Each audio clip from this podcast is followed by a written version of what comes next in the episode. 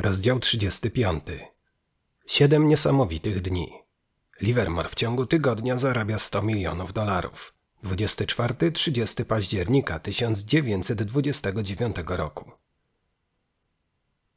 3 września 1929 roku we wtorek około czwartej po południu Jesse Livermore siedział w swoim biurze na Fifth Avenue, zajmując się tym, czym zajmował się przez ostatnie sześć miesięcy – Zastanawiał się, czy powinien zagrać pod zwyżki, czy pod spadki. Tego dnia ze zdumieniem obserwował, jak indeks Dow Jones Industrial Average zamknął się na rekordowym poziomie 318,17 punktu. Najniższy poziom osiągnął 24 sierpnia 1921 roku i od tamtej pory urósł o 496,51%. Rynek nieprzerwanie rósł, a Livermore widział jedynie sygnały ostrzegawcze. Przez pierwsze 8 miesięcy 1929 roku stracił na zapuszczaniu swoich niedźwiedzich sąd 6 milionów dolarów, za każdym razem zbierając cięgi. Od marca grał pod spadki i w ogóle nie zbierał owoców rynkowej hossy, chociaż w 1928 roku, kiedy tak jak wszyscy działał po drugiej stronie rynku, zarobił mnóstwo pieniędzy.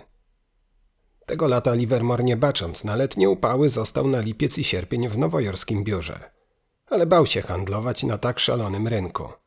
Całymi dniami rozmawiał przez telefon, zbierając informacje rynkowe z całego świata i zastanawiając się, kiedy w końcu nadejdzie nieunikniona korekta. Dzięki nowym połączeniom transatlantyckim zainaugurowanym w 1927 roku regularne rozmowy telefoniczne z Europą stały się możliwe, chociaż były potwornie drogie. Połączenia transmitowano przez radio, a taryfa wynosiła 25 dolarów za minutę, przy minimalnym impulsie w wysokości 3 minut, czyli 75 dolarów. Miesięczne rachunki telefoniczne Livermora za rozmowy międzynarodowe opiewały na kwoty od 15 do 25 tysięcy dolarów, ponieważ regularnie, czasami nawet dwa razy dziennie, kontaktował się z San Francisco, Paryżem, Londynem i Berlinem, przebijając się przez różnice czasowe. We wrześniu 1929 roku Livermore porównał światowe rynki finansowe do gigantycznej układanki, w której brakowało mu kilku kawałków. Wyczuwał wszystkimi zmysłami, że zbliża się korekta, ale nie miał pojęcia, kiedy dokładnie nadejdzie. To właśnie próby ustalenia przybliżonej daty kosztowały go już 6 milionów dolarów. Nieco po czwartej po południu poprosił sekretarkę Wendy Thomas – o połączenie go jak zwykle o tej porze z londyńskim informatorem w Banku Anglii, który o tej porze zapewne już odpoczywał w swoim domu w Strandzie. Nikt w Anglii nigdy nie odmówił odebrania telefonu od Livermora, ponieważ transatlantyckie połączenia do i z Europy wciąż należały do rzadkości. Osoba, do której dzwoniono, czuła się tym wręcz zaszczycona. W każdym razie nocne telefony zawsze robiły wrażenie na żonie i dzieciach źródła – Livermore musiał wiedzieć, co dzieje się w Londynie i musiał to wiedzieć przed innymi. W tamtych czasach Londyn był finansowym centrum świata. Livermore mógł być zatem pewien, że każda ewentualna korekta będzie raczej pokłosiem wydarzeń w Londynie, a nie w Nowym Jorku czy Waszyngtonie. Livermore nigdy nie ujawnił nazwiska swojego wysoko postawionego informatora w Banku Anglii, ale to, czego miał się od niego dowiedzieć tego popołudnia, warte było zapłacenia 150-dolarowego rachunku. Rewelacja zawierała się w informacji, że wcześniej tego samego dnia, w czasie comiesięcznego lunchu zarządu Banku Anglii, gubernator Monty Norman powiedział dyrektorom, że amerykańska bańka w końcu pękła. W czasie posiłku omawiano także podniesienie stóp procentowych. Ta długo wyczekiwana i mocno opóźniona podwyżka miała nastąpić pod koniec miesiąca. Normana bardzo niepokoił wypływ złota z Wielkiej Brytanii do Ameryki i Europy – w wyniku czego rezerwy złota Banku Anglii stopniały do 137 milionów funtów, czyli 700 milionów dolarów. Norman stwierdził, że znaczący wzrost stóp procentowych może powstrzymać i odwrócić ten proces. W czasie lunchu padło także stwierdzenie, że Clarence Hatry Group, na czele której stał finansista Clarence Hatry, miała poważne kłopoty finansowe. To były niezwykle cenne informacje. Livermore nie znał Hatriego osobiście, ale należał on do najbardziej znanych inwestorów finansowych na świecie, a jego spółki były notowane na giełdzie w Londynie. Gdyby upadły, mogłyby wywołać krach na giełdach całego świata. Mający 41 lat Hatry uchodził za bardzo kontrowersyjną figurę. Ekonomista J.K. Galbraith Opisał go jako jedną z tych zupełnie nieangielskich postaci, z którymi typowi Anglicy często kompletnie nie potrafią sobie poradzić. Był to trafny opis. Współcześni historycy lubią porównywać Hattriego do Roberta Maxwella. Hattry, podobnie jak Jesse Livermore, dobrze wiedział, czym jest hedonizm. Mieszkał niedaleko Park Lane w rezydencji Mayfair, w której zainstalował jeden z pierwszych w Londynie krytych basenów. Był on usytuowany na tym samym poziomie co sypialnia, więc aby wskoczyć do wody, Hattry musiał zrobić zaledwie kilka kroków. Na remont domu, do którego wprowadził się w 1924 roku, wydał 350 tysięcy dolarów. Był właścicielem koni wyścigowych i największego prywatnego jachtu w Anglii o nazwie Westward. W biurze natomiast zainstalował prywatną łazienkę, kolejne nową w Londynie. Hattry rozpoczynał karierę zawodową jako drobny urzędnik w londyńskiej firmie ubezpieczeniowej i ucząc się tego biznesu handlował przy okazji na giełdzie towarowej. Jego wielka życiowa szansa nadeszła wraz z bankructwem ubezpieczyciela City Equitable. Hattry kupił aktywa, zrestrukturyzował firmę i sprzedał ją 6 miesięcy później za 1,2 miliona dolarów. Był finansowo przygotowany na wojenny boom i po zakończeniu konfliktu jego majątek wyceniano na 3 miliony dolarów. Inwestował we wszystko, w tym lukratywny biznes polegający na przewożeniu do Stanów Zjednoczonych emigrantów z Europy Wschodniej szukających lepszego życia. W 1924 roku zbankrutowała jego główna spółka Commercial Corporation of London, będąc winna wierzycielom 3,75 miliona dolarów.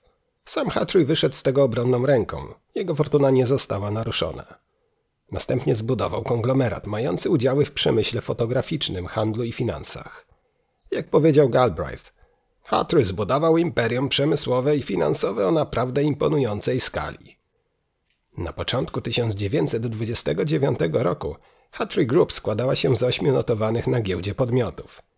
General Securities Limited, Austin Friars Trust Limited, Dundee Trust, Oak Investment Corporation, Associated Automatic Machines Corporation, Drapery Trust, Retail Trade Corporation i Photomaton Corporation. Była to najszybciej rozwijająca się grupa kapitałowa w londyńskim City. Hatry najwyraźniej inwestował w każdą napotkaną gałąź biznesu i był pierwszym działającym na dużą skalę operatorem automatów fotograficznych, w których chętnie robiono zdjęcia do paszportów i innych dokumentów. Kapitalizacja giełdowa całego holdingu wynosiła 24 miliony dolarów. Ale podjęta w 1929 roku próba przejęcia rozproszonych brytyjskich producentów stali i połączenia ich w grupę United Steel Companies o kapitalizacji 40 milionów dolarów okazała się zbyt dużym obciążeniem finansowym. Sama konsolidacja stanowiła znakomity pomysł, ale mało osób wiedziało, że nadmierna ekspansja doprowadziła Hatry Group do krawędzi bankructwa – a planowana fuzja była ostatnią kroplą goryczy. Dług w wysokości 100 milionów dolarów, którego połowa wynikała z przerostu stalowych ambicji, był zagwarantowany aktywami o wartości jedynie 16 milionów dolarów. W sierpniu Hatry starał się przekonać Montiego Normana do sfinansowania fuzji i udzielenia mu kredytu pomostowego, ale prośbę odrzucono. Livermore odłożył słuchawkę bardzo zadowolony i z siebie i z tego, co usłyszał. Natychmiast poprosił Wendy Thomas o wysłanie depeszy do maklera w Londynie ze zleceniami krótkiej sprzedaży wszystkich giełdowych spółek z grupy Hatry'ego. To był jedynie wstęp i dziecinna igraszka. Livermore wiedział, że jeśli informacje okażą się prawdziwe i Hatry upadnie, może uruchomić efekt domina i doprowadzić do paniki na światowych giełdach. I wiedział, że to samo może się stać, jeśli Bank Anglii podniesie stopy procentowe – Traf chciał, że wcześniej tego samego dnia Livermore dowiedział się, że rezerwa federalna zdecydowała, że we wrześniu stopy procentowe pozostaną na niezmienionym poziomie. Uzbrojony w nowe informacje był już pewien, że krach na giełdzie jest nieunikniony. Gdy przetrawił wszystkie wiadomości, opuścił osiemnaste piętro Heckscher Building i ruszył w kierunku domu w zachodniej części Manhattanu. Zdążyła wybić północ. Rewelacje na temat Hatry'ego nie opuszczały go przez całą noc. Rozważał, jakie będą ich skutki dla Wall Street i zastanawiał się, ilu jeszcze ludzi ma dostęp do tych informacji. Wiedział, że nowojorska giełda będzie potrzebowała kilku dni na przeanalizowanie tej wiedzy Chciał mieć pewność, kiedy dokładnie stanie się ona dostępna dla wszystkich.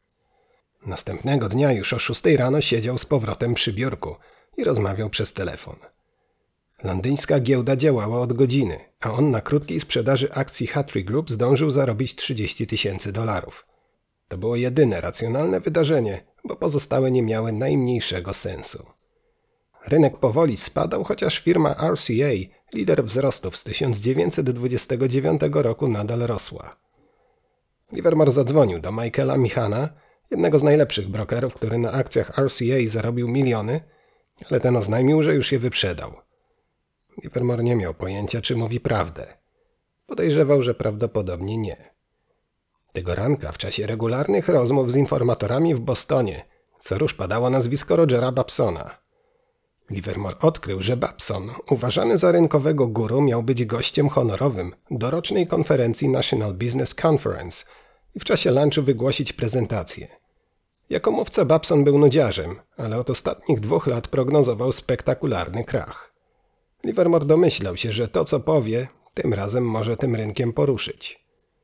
Zanim skończył rozmawiać, Wendy Thomas już zdążyła przynieść mu teczkę ze wszystkimi informacjami na temat Babsona.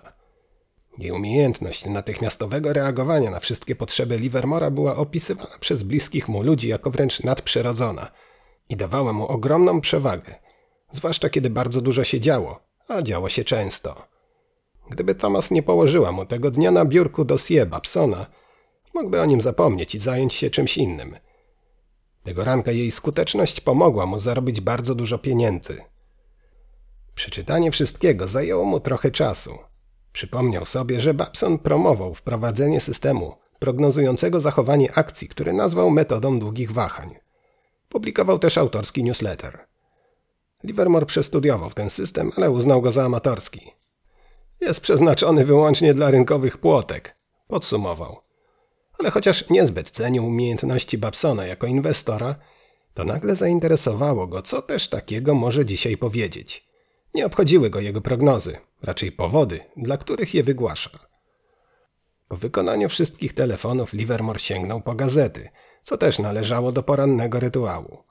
I tutaj pełno było informacji i spekulacji na temat dzisiejszego wystąpienia Babsona. Livermora nagle ogarnęło przeczucie, ale tylko przeczucie – że wykład Babsona będzie miał ogromny wpływ na rynek. Przez chwilę rozważał własną sytuację. Pomimo utrwalonych przez lata przekonań i zasad, Livermore był bardzo ostrożny. Uważał zwłaszcza na samego siebie. I chętnie przyznawał, że przeczucia i tak zwany nos do taśmy w niewielkim stopniu przekładają się na sukces. Oczywiście często się zdarza, że doświadczony trader działa tak szybko, że nie ma czasu na wyartykułowanie wszystkich powodów, dla których coś robi. Mimo to te powody zawsze istnieją i są wystarczająco dobrze uzasadnione, bo oparte na faktach, zbieranych przez lata pracy, myślenia i patrzenia na różne rzeczy okiem profesjonalisty, dla którego wszystko, co trafia do jego młyna jest ziarnem na przemiał. Po pięciu minutach rozważania różnych za i przeciw, Livermore postanowił zszortować tyle akcji, ile tylko zdoła, zanim rynek dowie się, co powiedział Babson. Uważał, że istnieje spore prawdopodobieństwa, że te słowa, o ile będą tak negatywne, jak przypuszczał, wywołają mini panikę. Wstał i przeszedł do sali transakcyjnej, po drodze wydając polecenia przychodzącym do biura pracownikom. Potem usiadł razem z traderami i wspólnie przygotowali plan działań, który mieli wdrożyć zaraz po otwarciu rynku. Wiedział, że do rozpoczęcia wystąpienia Babsona będą mieli jakieś półtorej godziny. Kiedy zegar wybił dziesiątą, rzucili się do gorączkowej pracy. Livermore i jego chłopcy znali się na rzeczy. W czasie tych 90 minut zlecili krótką sprzedaż akcji o wartości 15 milionów dolarów. Zaraz po południu ticker agencji Associated Press Zasygnalizował nadejście pilnej i ważnej depeszy. Livermore podbiegł do urządzenia i przeczytał nagłówek. Ekonomista prognozuje spadek indeksów w skali od 60 do 80 punktów. Zaledwie kilka sekund później ticker United Press zaczął wypluwać cały tekst właśnie wygłaszanego wystąpienia Babsona. Najważniejszy był następujący fragment. Wcześniej czy później nadejdzie krach, który dotknie największe spółki i wywoła spadek indeksu Dow Jones o 60-80 punktów. Livermore wiedział, że po tych słowach Babsona coś się musi wydarzyć, ale skala reakcji go zaskoczyła. Pomyślał, że to nie może być aż tak proste. W sali transakcyjnej zarządził alarm, a tablicowi gorączkowo zapisywali na tablicy zmieniające się ceny. W jakiś sposób informacja przykuła uwagę wszystkich gazet, w tym popołudniówek. Wiele z nich otrzymało tekst wystąpienia Babsona z embargiem na godzinę 13, więc teraz mogło je zamieścić na pierwszych stronach. Babson, o którym rano większość Amerykanów w ogóle nie słyszała, nagle zmienił się w narodowego wieszcza. Gazety szybko ochrzciły go mianem jednego z największych ekonomistów na świecie i nadały mu przydomek proroka strat. Temat bardzo szybko podjęły stacje radiowe, które zaczęły przerywać emitowane audycje wiadomościami z ostatniej chwili. Reakcja mediów była wręcz histeryczna, ale Livermore czekał na reakcję Wall Street. Wiedział, że profesjonaliści z giełdy będą to wszystko starannie analizować i czekać na pierwszy krok kogoś ze swojego środowiska, aby potem dołączyć. Nie musiał długo czekać. Kilka minut później ticker UP wydrukował ostatnie słowa Babsona i natychmiast rozdzwoniły się telefony maklerów ze zleceniami sprzedaży. Zaczęła się mała panika. Livermore wkroczył do akcji, shortując tyle akcji, ile był w stanie, dodając je do wcześniejszych pakietów. Jego traderzy zaczęli robić to samo. Livermore i jego ludzie sprzedawali do trzeciej po południu, czyli do samego zamknięcia giełdy.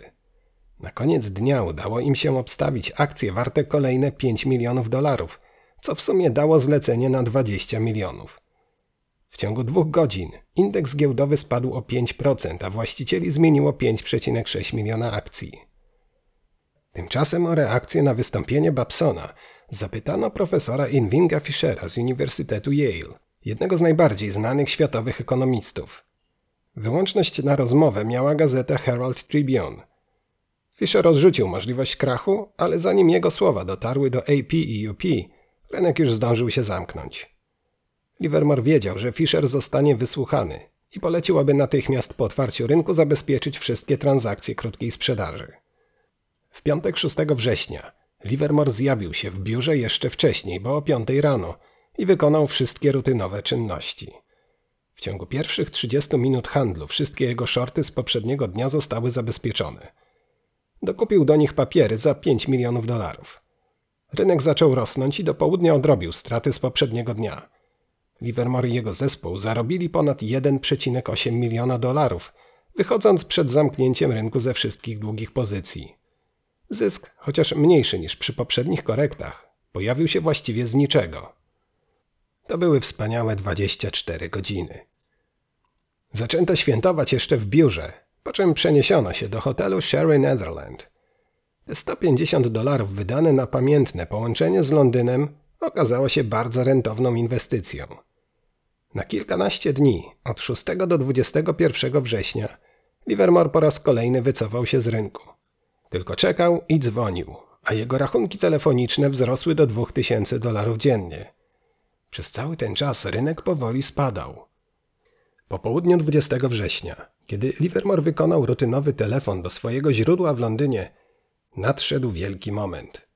Tym razem dowiedział się, że w południe następnego dnia stopa dyskonta Banku Anglii zostanie podniesiona z 5,5% do 6,5%. Powiedziano mu także, że bank spodziewa się, że Hatry Group złoży wniosek o bankructwo. Powinno to nastąpić w ciągu tygodnia. Informator dodał, że Hatryemu i Radzie Dyrektorów Holdingu zostaną postawione zarzuty nielegalnych operacji na rynku papierów wartościowych. Livermore wiedział, że jeśli biznes Clarence'a Hatry'ego upadnie, to całkowicie zmieni to nastroje na rynku. Ale wiedział także, że reakcja Wall Street, która potrzebowała czasu na przetrawienie tej informacji, będzie opóźniona. Zespół Livermora zrobił zatem to samo, co ostatnio. Złożył zlecenia na tyle krótkich pozycji, na ile się dało. Zbieranie informacji przebiegało bardzo szybko i tydzień później Hatry Group upadła. Tego samego dnia Clarence Hatry, jak przewidywano, został zatrzymany i przewieziony do aresztu. Livermore w porę odkupił swoje krótkie pozycje, zarabiając 2,5 miliona dolarów. Chociaż wszyscy powtarzali, w jak znakomitej kondycji znajduje się amerykańska gospodarka, Livermore był przekonany, że potężny krach czai się tuż za rogiem. Tymczasem Arthur Cotton zajmował całkowicie odmienne stanowisko. Tego samego dnia siedział przy swoim biurku, patrząc na dane o wrześniowych dywidendach. 193 spółki zadeklarowały podniesienie dywidendy. Rok wcześniej było ich 135. Prognozowano, że zyski za trzeci kwartał, opublikowane przez wszystkie spółki giełdowe notowane w Nowym Jorku, wzrosną średnio o 14%. Patrząc na te liczby, Katen był granitowo pewny, że dotychczasowa hossa przeniesie się na kolejny 1930 rok. Livermore obstawiał przy swoim. Wiedział, że bankructwo Hatriego to sprawa ogromnej wagi, ale przygotowując się do wielkiego skoku, rozumiał, że ma bardzo mało czasu na zajęcie pozycji i zamierzał zrobić to przy najmniejszym ruchu indeksów. Rynek został postawiony na nogi 3 października wraz z mini-krachem. Wywołało go wystąpienie Filipa Snowdena, brytyjskiego odpowiednika ministra finansów, który opisał boom na Wall Street jako orgię spekulacyjną. 7 października gazeta Financial Times opublikowała komentarze Johna Lonsdale'a, prezesa amerykańskiego Związku Banków, który powiedział – Bankierzy są poważnie zaniepokojeni rosnącymi wolumenami kredytów finansujących pożyczki na zakup papierów wartościowych, zaciąganych zarówno przez maklerów, jak i osoby prywatne. Washington Post, najważniejszy tytuł dnia, krzyczał: Ceny akcji spadają, trwa gorączkowa wyprzedaż. Bankierzy mieli powody do obaw. Wartość kredytów, jakie codziennie były udostępniane rynkowym spekulantom, urosła do 3 miliardów dolarów. Za każdym razem, kiedy banki usiłowały to ukrócić, natychmiast pojawiały się firmy parabankowe i szczelnie wypełniały lukę. Bankierzy zdawali sobie sprawę, że taka sytuacja jest bardzo niepokojąca, ale sprawy wymknęły się spod kontroli. Wszystkie wypuszczane przez Livermora balony próbne wracały z zyskami. Postanowił zatem darować sobie ostrożność. Poczuł, że oto nadszedł jego wielki moment. Nigdy w życiu nie był niczego aż tak pewien. W tym momencie jego kapitały własne dzięki osiągniętym latem zyskom wzrosły do 20 milionów dolarów. Wiedział jednak, że to za mało, ale dobrze przygotował grunt, pożyczając tyle, ile był w stanie, zwiększając zasoby wojennego skarbca do 30 milionów. Zostawił i dom, i jacht. Uzbrojony w tę kwotę zaczął negocjować z dwudziestoma maklerami, żeby udzielili mu maksymalnego kredytu. Niektórzy byli skłonni zaproponować trzydziestokrotność wkładu własnego. Większość dawała dwudziestokrotność, czyli tak dużo więcej niż oferowali normalnym klientom. Ci musieli się zadowolić kredytem większym od zestawu tylko dziesięciokrotnie. Oznaczało to, że Livermore mając do dyspozycji zaledwie 30 milionów dolarów kapitału, mógł otworzyć krótkie pozycje na akcjach wartych 750 milionów. To był astronomiczny zakład pod spadki indeksów, ale Livermore nie zamierzał ryzykować zmiecenia go z rynku przy 3% ruchu, bo chociaż był pewien tego, co robi, to jednak nie był aż tak pewien. Ten brak odwagi, żeby pójść na całość, zaskoczył go, bo zakład wcale nie był tak duży, jak mógłby się wydawać. Livermore wiedział, że jeśli w ciągu następnych 10 dni sprzeda akcje warte 750 milionów dolarów, co stanowiło mniej więcej 1% całkowitej wartości rynku, to notowania w obecnych warunkach nie będą mogły wzrosnąć. Doprowadzi do tego chociażby jego własna sprzedaż. Ale miał świadomość obecności rynkowych byków w rodzaju Artura Katena, który jak wiedział z doświadczenia był zdolny do podbicia drugiej strony i rzucenia na rynek takiej samej ilości pieniędzy na otwarcie długich pozycji co on na zajęcie krótkich. Mówiono, że w ciągu ostatnich 10 lat Katen zarobił 250 milionów dolarów i gdyby chciał, mógłby wylewarować tę kwotę nawet do 2 miliardów. Gdyby wszedł na rynek, wywołałby gwałtowny wzrost cen. Livermore był jednak przekonany, że nawet Arthur Cotton nie będzie w stanie powstrzymać napierającej fali. Dla niego była to droga w jedną stronę, dlatego postawił absolutnie wszystko. Prawdę powiedziawszy, spodziewał się, że na tej operacji zarobi jakieś 10, może 20 milionów. Nie miał pojęcia, co się wydarzy. Bardzo starannie wybrał swoje aktywa. Postawił na te, które jego zdaniem nie miały już potencjałów wzrostowych i otworzył krótkie pozycje na akcjach spółek RCA, Lehman, National City Bank oraz większości spółek drogowych i użyteczności publicznej. To była potężna operacja, zarówno dla niego, jak i jego pracowników, ale koniec końców udało mu się rozłożyć niemal 450 milionów dolarów na ponad 100 spółek, nie sięgając po całą kwotę potencjalnie dostępnej dźwigni. Miał nadzieję, że w czasie wędrówki indeksów w dół uda mu się zszortować papiery warte kolejne 300 milionów dolarów, zmniejszając w ten sposób ryzyko i poziom wylewarowania. Ale 16 października rynek ostro zanurkował i Livermore znacznie zredukował skalę działania. Spadki potwierdziły, że ta niezwykła operacja musi zostać przeprowadzona w tajemnicy. W weekendowym wydaniu New York Times niemal wszystkie strony poświęcone były analizie ekonomicznej, a reporterzy gazety dokładali starań, aby zrozumieć spadki rozpoczęte 3 września. Dziennikarze Washington Post stwierdzili, że ich liderami były spółki infrastrukturalne, które testowały nowe poziomy wsparcia i leciały w dół znacznie szybciej niż reszta rynków. 20 spółek z tego sektora było handlowanych po cenach najniższych od końca czerwca. Reporterzy NYT podkreślali dobre strony stabilnych warunków biznesowych, które teraz zapanowały. Gazeta podawała także ilość pożyczonych i sprzedanych za pomocą krótkiej sprzedaży akcji i widziała zalety tych operacji, ponieważ w którymś momencie akcje będą musiały zostać odkupione.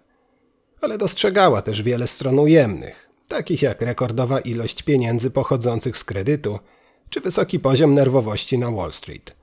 Wyglądało jednak na to, że znaczenie tego artykułu było niewielkie. Do poniedziałku 21 października Livermore zakończył swoje zakłady.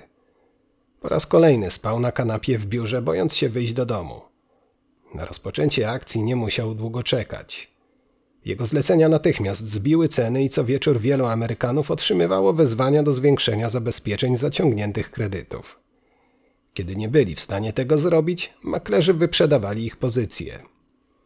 Tymczasem po Wall Street zaczęły krążyć szalone plotki, jakoby Jesse Livermore przewodził wpływowej spółdzielni rynkowych niedźwiedzi, złożonej z najbogatszych Amerykanów.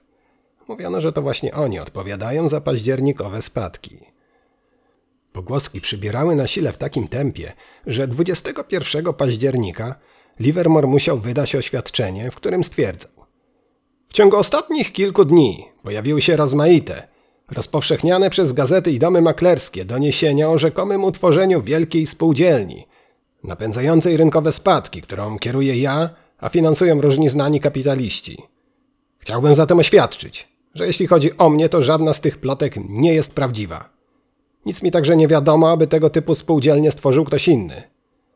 Moje operacje na rynku kapitałowym zawsze były wyłącznie moimi indywidualnymi operacjami i nadal zamierzam funkcjonować w ten sposób. Nieuzasadnione i niemądre jest myślenie, że indywidualny inwestor lub grupa takich inwestorów może w sztuczny sposób doprowadzić do spadków na rynku giełdowym w tak dużym i dobrze prosperującym kraju jak Stany Zjednoczone. To, co się wydarzyło w ciągu ostatnich tygodni, jest nieuniknioną konsekwencją długiego okresu ciągłych manipulacji akcjami w taki sposób, aby uzyskać poziom cen wielokrotnie przekraczających rzeczywistą wartość spółek, wynikającą z faktycznych zysków i zwrotów. Ludzie odpowiedzialni za podbijanie tych fikcyjnych cen to ci sami ludzie, którzy są bezpośrednio odpowiedzialni za to, co dzieje się obecnie na rynku. To sytuacja niefortunna dla rzeszy drobnych inwestorów, bo kiedy takie warunki zaistnieją, cierpią na tym także solidne inwestycje, które muszą dostosować się do korekt aktywów spekulacyjnych. Gdyby ktokolwiek zadał sobie trud i przeanalizował ceny sprzedaży akcji różnych spółek, np. United States Steel, które sprzedawano po cenie 8, a nawet dziesięciokrotnie przekraczającej bieżące zyski oraz wiele innych, to zauważyłby, że przez długi czas ceny były absurdalnie wysokie. Tych niekontrolowanych wzrostów indeksów nie powstrzymały ani ostrzeżenia ze strony Biura Rezerwy Federalnej, ani wypowiedzi władz bankowych. Dlatego jest rzeczą śmieszną sugerowanie, że jedna osoba jest w stanie wpłynąć na kierunek ruchu cen papierów wartościowych. W środę 24 października, po trwających cały dzień spadkach, indeks stracił 6%. Wezwania do dostosowania wkładów własnych, jakie wysyłano tego wieczora, były porażające. Livermore po wykupieniu przed zamknięciem rynku 1 czwartej swoich pozycji zarobił na czysto 8 milionów dolarów. Na papierze jego zysk opiewał na 20 milionów. Czwartek 24 października zapoczątkował serię czarnych dni na rynku. Na otwarciu indeksy poszły na dno jak kamień, tracąc 30 punktów, czyli jakieś 11%. Po raz kolejny Livermore wykupił połowę swoich pozycji, czyli akcje warte jakieś 150 milionów dolarów, robiąc to w momencie maksymalnych spadków. Zarobił kolejne 14 milionów. Następnie obserwował, jak rynek zaczyna odrabiać niemal wszystkie straty i otworzył zlecenia krótkiej sprzedaży na akcje warte 100 milionów. Na koniec tego pamiętnego dnia rynek zamknął się na poziomie zaledwie o 2% niższym, a właścicieli zmieniło 12,9 miliona akcji. Od szczytu 3 września rynek stracił już 21,5%. W piątek 25 października rynek nieco odbił po tym, jak Livermore odkupił niektóre ze swoich pozycji i skasował 5 milionów dolarów. Wieczorem, kiedy usiadł w biurze, zaczął rozmyślać o tym najbardziej dramatycznym tygodniu w życiu. Zarobił 27 milionów dolarów i niemal wszystkie podjęte przez niego decyzje okazały się słuszne. Wprost nie mógł w to uwierzyć. Zamknął tydzień, mając otwarte krótkie pozycje na akcje warte 200 milionów dolarów i czuł się z tym bardzo komfortowo. Weekendowe wydania gazet pełne były raportów i analiz tego, co się wydarzyło w ciągu ostatnich pięciu dni. W soboty giełda pracowała przez dwie godziny. Rynek osunął się o 1,25% przy obrotach w wysokości 3,5 miliona akcji, drugim pod względem wielkości, jaki odnotowano w jakąkolwiek sobotę od czasu powstania giełdy. Arthur Catton, który wyjechał do Atlantic City na krótkie wakacje, obserwował wydruki stickera w swoim hotelu. Przyjaciołom zapowiedział, że rynek wkrótce się odbije. Jesse Livermore w domu w Great Neck uważał dokładnie odwrotnie. Był pewien, że poniedziałek przyniesie dalsze spadki. I miał rację. Dzień 28 października 1929 roku miał przejść do historii jako czarny poniedziałek na Wall Street. Rynek spadł o rekordowe 12,82%, a wolumen wyniósł 9,2 miliona akcji. Livermore trzymał nerwy na wodzy. Nie odkupywał żadnych aktywów, ale zamiast tego otworzył krótkie pozycje na 50 milionów dolarów. Nie było to łatwe. Był to najtrudniejszy i najbardziej ryzykowny ruch w całej kampanii. Indeks Dow Jones spadł na zamknięciu o 230 punktów. Dziennikarze byli oszołomieni rekordową stratą, bo nie mogli się doszukać żadnych racjonalnych jej powodów. New York Times pisał: Nie było właściwie żadnej informacji, która mogłaby wywołać aż taki spadek. Odwaga Livermora opłaciła się następnego dnia, kiedy znów nastąpił krach, a dzień ten okrzyknięto czarnym wtorkiem. To był kolejny rekordowy zjazd. W pewnym momencie dochodził do 15%. Na zamknięciu wartość indeksu zmalała o 11,73%, a obroty wyniosły zdumiewające 12,9 miliona akcji. W tym momencie Livermore postanowił się wycofać. Odkupił wszystkie akcje, zarabiając na tym 66 milionów dolarów. Jego zysk osiągnięty w całym tygodniu wzrósł do 93 milionów. Doliczając do tego drobne zyski z września i początku października, przekroczył 100 milionów dolarów, a kwota zarobiona w czarny wtorek była drugą co do wielkości, jaką komukolwiek kiedykolwiek udało się zarobić. O piątej po południu Livermore usiadł samotnie przy biurku. Wciąż nie mógł wierzyć w liczby, które wypisane na kartce położyła przed nim Wendy Thomas. Znał je do ostatniego centa, ale ujrzenie ich na papierze było niemal surrealistyczne. Kiedy opuszczał biuro, czuł się wykończony i emocjonalnie i fizycznie. Zamiast wrócić do mieszkania na Manhattanie, wezwał kierowcę i kazał się zawieźć prosto do Great Neck. Nie zamierzał wracać do biura już do końca tygodnia, bo bał się, że ulegnie pokusie. Z kartką zaciśniętą w dłoni chciał się po prostu cieszyć tą chwilą, bo wiedział z doświadczenia, że takie momenty są nieczęste i szybko przemijają. Gdy dotarł do domu, rodzina przywitała go płaczem, a z któregoś pokoju dobiegał nawet głośny szloch matki Dorothy. Usłyszeli w radio informacje o krachu i o tym, że wielu inwestorów zostało zrujnowanych. Dorothy założyła więc, że wśród nich znajdował się także jej mąż. Była przygotowana usłyszeć, że trzeba będzie opuścić Evermore, sprzedać samochody i jachty, a potem wrócić do skromnego, wynajętego lokum w mieście. Livermore'owi dobrych kilka sekund zajęło zrozumienie, co się tu dzieje. Potem zaczął szybko tłumaczyć zszokowanej Dorothy, że daleko mu do ruiny, że teraz są jeszcze bogatsi, bardziej niż można to sobie wyobrazić. Tym razem to ona potrzebowała czasu. Chcesz powiedzieć, że nie jesteśmy zrujnowani? Zapytała. Nie, kochanie. Mam za sobą najlepszy dzień w historii. Jesteśmy bajecznie bogaci. Możesz robić to, co ci się tylko podoba, odparł. Na twarzy żony odmalowała się niewyobrażalna ulga. Odwróciła się w stronę matki i kazała jej natychmiast przestać płakać. Dobre wieści dotarły nawet do dzieci i psów. Cała rodzina natychmiast zaczęła świętować. Na końcu dołączyła do nich teściowa Livermora. Jego instynktowne przewidywanie ruchów rynku znów się sprawdziło. Następnego dnia spadki na Wall Street ustały i rynek odnotował nawet niewielki wzrost. Ale nikt nie był zainteresowany. W środę 30 października Livermore obserwował bieg wydarzeń z sypialni w Great Neck. Przez większość dnia spał, dosłownie upijał się sukcesem i niemal nie był w stanie zaabsorbować wiedzy, ile pieniędzy udało mu się zarobić w ciągu ostatnich siedmiu dni. W czwartek sięgnął po gazety, które ostatnio mocno zaniedbał. Trudno było, podobnie jak w 1907 roku, cieszyć się sukcesem, kiedy niemal cała Wall Street pogrążyła się w rozpaczy. Wielu jego przyjaciół straciło wszystko. Ucieszyły go wyłącznie doniesienia na temat porażki Artura Katena. Katen, optymista do samego końca, stracił niemal wszystko. Całą fortunę, która tydzień wcześniej wyceniana była na 250 milionów dolarów. Livermora zdumiała liczba tak zwanych rynkowych mędrców, których krach całkowicie zaskoczył i którzy przegrali wszystko. Irving Fisher, czołowy amerykański ekonomista, kibic rynkowych wzrostów i aktywny gracz giełdowy, stracił cały majątek, w tym dom rodzinny. Jego angielski odpowiednik, John Maynard Keynes, postrzegany jako główny ekonomista w Europie, również znalazł się mocno pod kreską. Człowiek może mieć ogromne zdolności matematyczne i niezwykłą umiejętność dokonywania prawidłowych obserwacji, ale musi posiadać jeszcze coś doświadczenie i dobrą pamięć. W przeciwnym razie przegra, podsumował Livermore. Tymczasem w Waszyngtonie wybuchła panika. W piątek na żądanie gabinetu prezydent Hoover wygłosił optymistyczną mowę, w której podkreślał doskonałą kondycję gospodarki i biznesu jako takiego. Słowa odniosły pewien skutek, ale nie zmieniły sytuacji na rynku, który wciąż spadał, a skalę spadków tylko w niewielkim stopniu ograniczały zakupy dokonywane przez niedźwiedzi zmuszonych do zamknięcia swoich krótkich pozycji. Na rynek trafiało coraz więcej akcji, a on sam przechodził fundamentalne dostosowanie.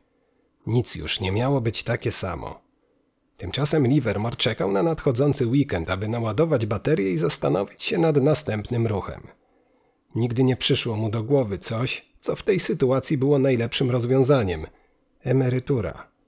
Miał 52 lata, należał do 10 najbogatszych ludzi na świecie. Trudno było sięgnąć wyżej i wycofanie się z aktywnego życia byłoby najlepszą decyzją. W głębi serca on też to wiedział. Ale po raz pierwszy posmakował, jak słodko jest zarabiać dziesiątki milionów w czasie jednej transakcji, a nie kilka, jak to bywało w przeszłości. Dlatego zamiast emerytury wybrał powtórkę tego święta. W ten sposób naraził na poważne ryzyko wszystko, co zdobył w październiku 1929 roku. Majątek, który w tej chwili posiadał, stwarzał niebezpieczeństwo dla jego rodziny, chociaż wówczas Livermore w ogóle tego nie rozumiał. Miał przecież tyle pieniędzy, ile można sobie było wymarzyć i zaliczał się do najbogatszych ludzi na świecie. Nie próbował nawet ukryć swojego powodzenia przed rodziną lub przyjaciółmi. Rozgłos, jaki uzyskał, poskutkował lawinowym wzrostem pogróżek wobec jego bliskich oraz strumieniem listów z błaganiami o wsparcie. Musiał na stałe zatrudnić ochroniarza, Franka Gormana, który od tej chwili miał za nim podążać krok w krok, nawet spać w pomieszczeniu przylegającym do sypialni. Były policjant z Nassau County, jak mógł wtopił się w rodzinę. Ale takie rozwiązania miały się okazać niezwykle destrukcyjne. Pasmo nieustannych kłopotów zaczęło się niemal natychmiast. Poczynając od 1930 roku, Jesse Livermore starał się na wszystkie sposoby udowodnić prawdziwość powiedzenia, że pieniądze szczęścia nie dają. To był początek 11 lat nieszczęść rodziny Livermorów. W ostatecznym rozrachunku dla tak skomplikowanego człowieka jak Jesse Livermore mogło się to zakończyć tylko w jeden sposób –